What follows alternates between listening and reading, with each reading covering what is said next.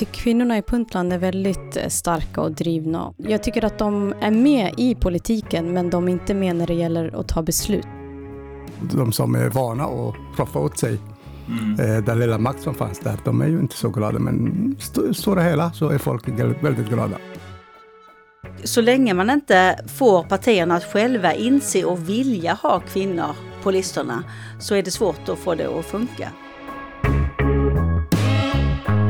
Välkommen till Frihet från förtryck, en podd om demokratiaktivism. Jag heter Martin Engeby och är chef för SILK, Svenskt internationellt liberalt centrum, som driver den här podden. Dagens tyngdpunkt hamnar i Puntland, en delrepublik i den somaliska federationen som har börjat hålla demokratiska lokala val efter 54 års uppehåll. Regionen Puntland ligger på Afrikas horn, därav namnet Punt såklart. Eh, man bedriver handel längs kusterna eh, mot eh, Röda havet och den Indiska oceanen. Och i inlandet är boskapsskötsel en viktig näring. Puntland är världens största exportör av myrra, som kanske känns igen från Bibeln. En av de tre vise männen kom från Puntland och hade med sig myrra till Jesusbarnet. Somalia avkolonialiserades på 60-talet och blev en totalitär stat efter bara några få år av demokrati. Diktaturen föll 1991 och inbördeskrig följde. Fredsavtal finns på plats sedan 1998, men det har varit stökigt i de södra delrepublikerna. Bland annat på grund av den islamistiska terrororganisationen al-Shabab. Tills nu är det klanerna som har utsett sina äldste för att styra delrepublikerna och landet, men detta är på väg att förändras. Provinsen Somaliland har hållit flera framgångsrika demokratiska val och nu har man även hållit demokratiska lokala val i delrepubliken Puntland. Det finns över 100 000 personer med somaliskt ursprung i Sverige. Många av dem är från Puntland och två av dem är här idag. Nämligen Abdukadir Salad Ali, som är mångårig eh, socialarbetare på Järvafältet, lokalpolitiker och en sammanhållande kraft mellan somalier i Sverige. Välkommen Ali! Tack så mycket Martin! Och eh, jag har också med mig Idil Omar som bor i, i Uppsala eh, och eh, hon är ordförande för ungdomsorganisationen Sama Wada. Eh, välkommen Idil! Tack Martin! Vad betyder Sama Wada? Det är när man gör någonting gott tillsammans. Ja. Hjärtligt välkommen. Och eh, vi har också med oss Åsa Nilsson Söderström som är Somalia-handläggare på SILK. Välkommen Åsa. Tack, tack. Eh, ska vi börja med eh, Idil? Hur reagerade du när du fick höra att det skulle bli riktiga val i din hemrepublik Puntland? Jag blev väldigt glad, tycker det är väldigt positivt och det är skönt att folk får välja själva vem de vill ska leda. Kom det som en överraskning? Eh, lite, men mm. det är mm. spännande. Mm. Ja, eh, Ali, varför hände detta just nu? Det har inte hänt på 14 år sedan fredsavtalet. Hur kommer det sig att just nu börjar man öppna upp? Alltså i, Buntland så har man pratat om det här sedan eh, 98. Mm. Att eh, man skulle börja eh, one man, one vote. Mm. Men eh, de andra presidenterna som var före, nuvarande president, har ju faktiskt inte lyckats det som den nuvarande presidenten har lyckats med. Mm. Och det är att han har lovat från första dagen han var på jobbet att han mm. skulle mm. eh, ordna val. Och eh, det har han, han har ju hållit sitt löfte. Mm. Gör det honom populär? Ja, hos folket ja. ja. Det, men jag tror inte att de gamla, Aha. äldre och, och, och de som är vana att roffa åt sig Mm. Eh, den lilla makt som fanns där, de är ju inte så glada. Men i stora hela så är folk väldigt glada. Mm. Eh, Åsa Nilsson Söderström, du har varit i Puntland och besökt en kommun där. Hur ser en kommun ut i Puntland jämfört med en kommun i Sverige? Ja, det är väl ganska stor skillnad kan man säga. Vi besökte en eh, ort som heter Kardo, eh, som ligger en bit in i landet. Och eh, när vi kom till kommunkontoret så var det som en, eh, en liten gård kan man säga, där varje avdelning av kommunen hade sitt eget rum. Eh, väldigt välstrukturerat, men väldigt fattigt kan man säga. De eh, var väldigt stolta över att de äntligen hade fått en dator så att man kunde ha att man kunde bokföra på, på, på dator helt enkelt. Och eh, de hade också en fascinerande stor whiteboardtavla där man så antecknade alla barn som föddes och hur de föddes. Och där kunde man tydligt se att det var fler och fler som föddes på en, en slags mödravårdscentral och färre som föddes hemma. Så mm. det, var, det var väl organiserat men utifrån en eh, ganska låg teknisk nivå. Mm. Men samtidigt fanns det ett ställe där, på, på kommunen där det fanns jättemycket high-tech och det var där man tog fram ID-kort. För det hade betalts då av en, eh, en givarorganisation. Så mm. där, var det, där fanns det en, flera datorer och eye-scans och allt möjligt. Just det. Så att det, mm. det var stor skillnad tyckte jag. Man såg att både kommuner och de statliga departementen var ganska underfinansierade. Just det. Och, just det. och man bestämmer inte helt själv över resursallokeringen då? För att om, om, det är inte säkert att, eh, att kommunen själv hade just prioriterat ID-korten. Nej, Nej, absolut inte. Det tror jag faktiskt inte. Nej. Jag tror eh, att de hade kanske valt att satsa på vatten istället. Ja, eller? till exempel. Eh, Idil, det finns väldigt många somalier utanför Somalia. Hur viktiga är ni som bor utanför landet i den här demokratiska processen? Eh, väldigt viktiga. Ehm, det, vi, vi hjälper till, vi stödjer dem och eh, så det är väldigt många som även går tillbaka och går med i politiken i Somalia. Ehm, så att vi är väldigt viktiga. Vi är en av huvudpersonerna som behövs för att hjälpa till med samarbetet. Mm. Och hur, blir ni, hur blir du mottagen när du, när, när du också var med i en resa till Kardo? Eh, tycker de att eh, nej, men du vet inte hur det är här eller tycker de att nej, men det, det är intressant att lyssna på dig?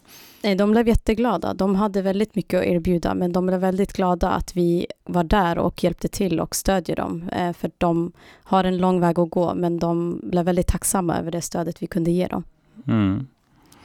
Eh, Ali, Eh, Somalia har en väldigt ung befolkning eh, och eh, både du och jag är över 50. Vad har vi egentligen att komma med när vi pratar med unga människor? Jag tror att vi har att komma med, med lite erfarenhet. Vi har ju varit med om länge. Vi bor ju i ett land som har haft demokrati i hundra år. Så det är ju den erfarenheten. Och sen är det så att vi kanske inte är ute efter deras makt. Vi är färdiga nästan, så vi, vi är där för att eh, eh, hjälpa till och ge stöd och uppmuntra dem och berätta mm. att eh, bästa sättet att leva i, i världen idag, det är att ha demokrati. Demokratin mm. är ju ja. fantastisk. Det, ja. det ser man i Sverige, hur Precis. det går till nu under den här valkampanjen. Ja. Och jag kan tänka mig då, om man då kommer dit som en äldre person som, som du och, och pratar då om att det är viktigt att unga får demokratiskt inflytande i förhållande till andra äldre på plats som kanske säger att nej, men ni måste kamma er först och, och jobba i 40 år innan ni får chansen. Så att det är kanske en, en, ett bra budskap också. Ja, exakt, exakt. Men ändå är det över 70 procent väldigt unga, så det, ja. man har ju inte så många konkurrenter att kämpa mot. Nej, nej precis. Eh, Åsa, eh, vi har genomfört eh, möten och workshops med politiker i Puntland. Eh, har vi någonting att lära varandra? Absolut. Får jag bara lägga till, Åsa, du, för du är också lokalpolitiker mm. i en stadsdel här utanför Stockholm, i Spånga, Spånga Tensta. Mm. Så att du är ju inte bara biståndshandläggare, utan du är lokalpolitiker mm. också. Jo, men jag tycker att det finns jättemycket att lära varandra. Um, vi jobbar ju inte bara i Puntland utan också i andra länder och, just när politiker får lära politiker så det uppstår lite magi för att det är ett speciellt yrke, om man ska säga så, att vara politiker. Så det finns mycket att lära. Och sen så rent mänskligt så är det ju i, när man möter människor som lever under helt andra livsförhållanden, det är då man lär sig saker och växer som människor, bägge två tror jag. Mm. Eh, sen så kan vi, det är ju inte så att vi kan tala om hur, det ska, hur man ska styra i Cardo, för det kan vi inte tillräckligt, varken om kulturen eller historien. Men däremot kan vi berätta hur vi gjorde i Sverige och de kan inspireras av vissa mm. delar av det och bygga sitt eget.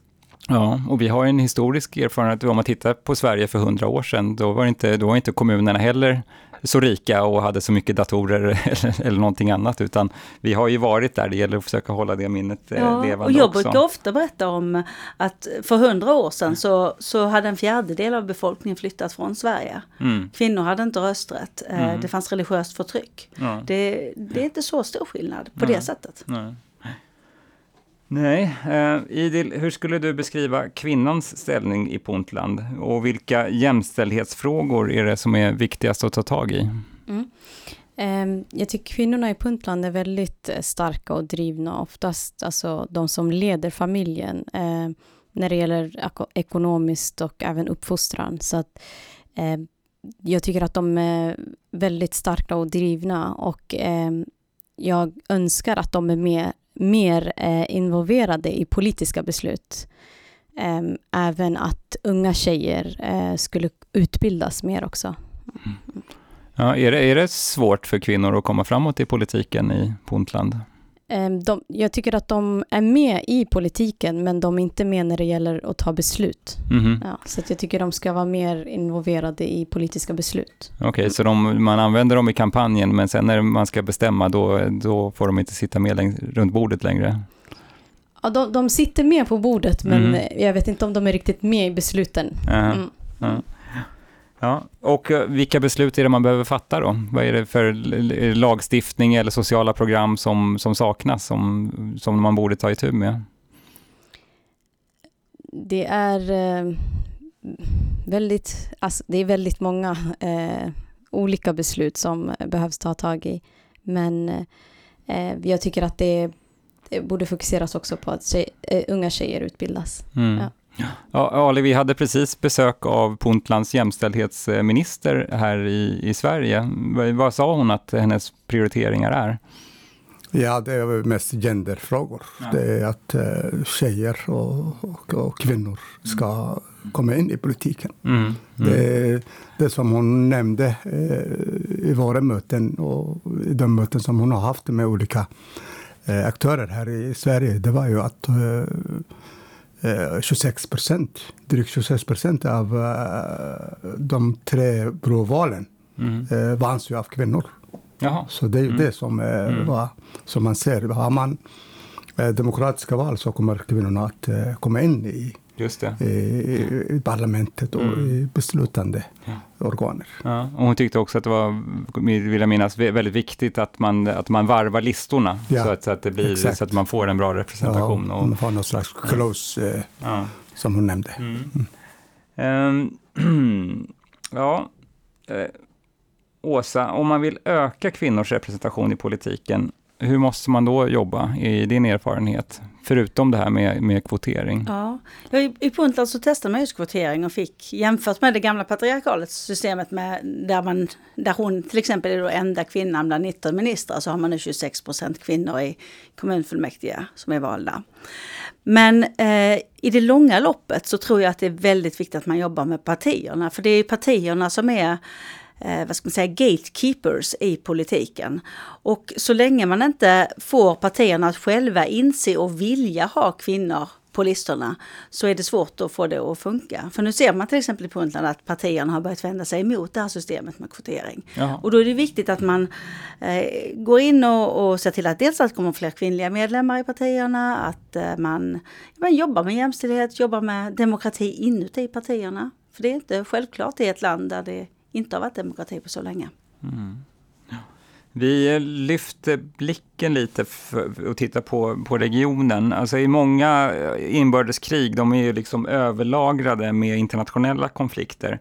Finns det något sånt i, i, bakgrunden för Somalia också? Sverige och EU vill stödja en demokratisk utveckling. Finns det några motkrafter mot det här som man ska titta på? Ja, det, är, det finns ju val i grannländerna. Mm. I Kenya har vi haft nyss val. Mm. Det pågår ju lite oroligheter i stora grannlandet Etiopien.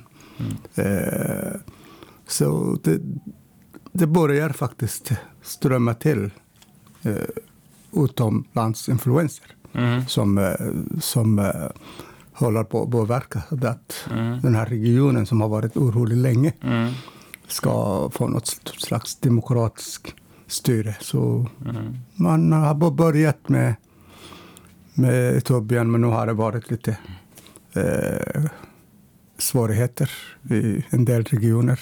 Mm. Så det, man ser ljusningen. Men eh, Buntland är ju det riktiga. Eh, som om man ser i Somalia som är ganska eh, eh avlångt land som Sverige. Mm. Att det, det, det vore ju... Ett, lyckas vi med det så, så kommer det att faktiskt sippra ut mm. till andra. Mm. Sen har vi också Somaliland som mm. har haft eh, lyckade val de senaste åren mm. som, eh, som exempel. Mm. Ser man eh, någon influens från, vi pratar mycket om att Kina är på frammarsch som stormakt. De främjar inte demokrati utan vill ha stabilitet och göra affärer.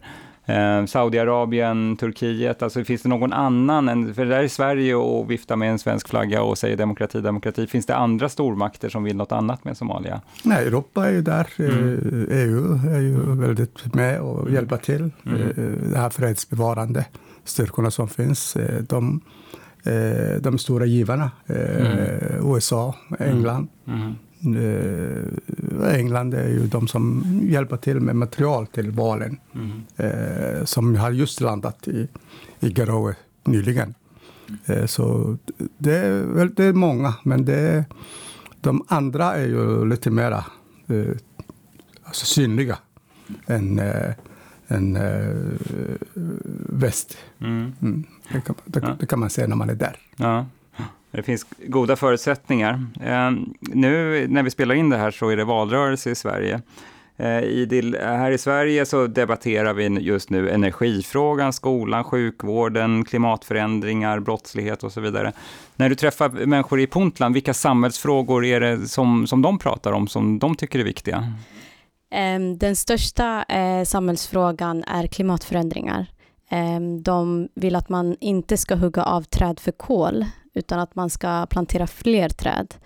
Och även torkan, eh, hur man ska bevara eh, vatten. Det är en av de, de största frågorna mm, just nu. Mm. Så att, när, om du träffar ungdomar på ett café i, i Cardo och det är klart man pratar om allt möjligt, eh, men, sådär, men då, är det, då nämner folk spontant eh, klimatfrågan som någonting som man vill arbeta med. Det de nämnde mest var översvämningarna, ja. hur man skulle gå tillväga med översvämningarna i Cardo. Mm. Och ser man det som en lokal fråga eller ser man liksom de, globalt? Så att säga? Känner man till Greta Thunberg? Eh, nej, inte så, alla. Nej. så, långt, så långt går det inte. Nej. Men, men man, det, vi har ett jordklot tillsammans och vi, ja. har, vi har precis samma problem. Um, ja, det, det, låter väldigt hoppfullt det vi har hört. Uh, Ali, vad hoppas du mest på just nu? Ja, just nu är vi inne på en väldigt bra period med den här demokratiseringsprocessen. Nu har vi, nu har vi på ingång eh, valkommissionens ordförande och eh, generalsekreterare. Snart eh, landar de i Sverige med hjälp av er, Silk, och eh, oss som eh, diasporan. Så det är väldigt, väldigt bra go i, i hela mm. det, det hela. Så nu är vi en trans. Ja. Kan man säga. Ja, det är på väg framåt och ja. vi har inte fått några bakslag än Nej, så att säga. Inte, så att det här är inte, kanske den bästa perioden. Ja. ja, även om vi har fått bakslag så, så rinner det av. Ja, så. Idil, vad, hoppas, vad går du och hoppas på när du tänker på framtiden? Eh, jag ser fram emot samarbetet mellan Silk och Puntland just nu, eh, för det har varit jättespännande på senaste resan där och eh, jag ser även fram emot de andra resorna framöver, när vi går till andra kommuner också. Det ser jag väldigt mycket fram emot. Åsa? Ja, jag hoppas ju verkligen att de här 47 resterande lokalvalen kan äga rum i år. Så mm. att vi ser att processen fortsätter framåt för att det, det, måste bli lite fart på det så att vi sen kan jobba vidare. Mm. Jag läste Bertil Olins eh, memoarer, han är en gammal folkpartiledare, och han beskrev hur det var när demokratin infördes i Sverige. Och, och först blev det på riksdagen. Och han sa att när han bodde i Skåne, det var ingen som brydde sig, men när, när liksom de lokala fackföreningskillarna fick komma in och styra i hans egen kommun, då förstod folk att det var demokrati. Så att den här lokala demokratin är ju verkligen jätteviktig. Då tar vi och avrundar där. Du har lyssnat på Frihet från förtryck, en podd om demokratiaktivism och biståndspolitik. Vi är SILK, Svenskt internationellt liberalt centrum, och vi arbetar med demokratibistånd fria val och utvecklingsdebatt.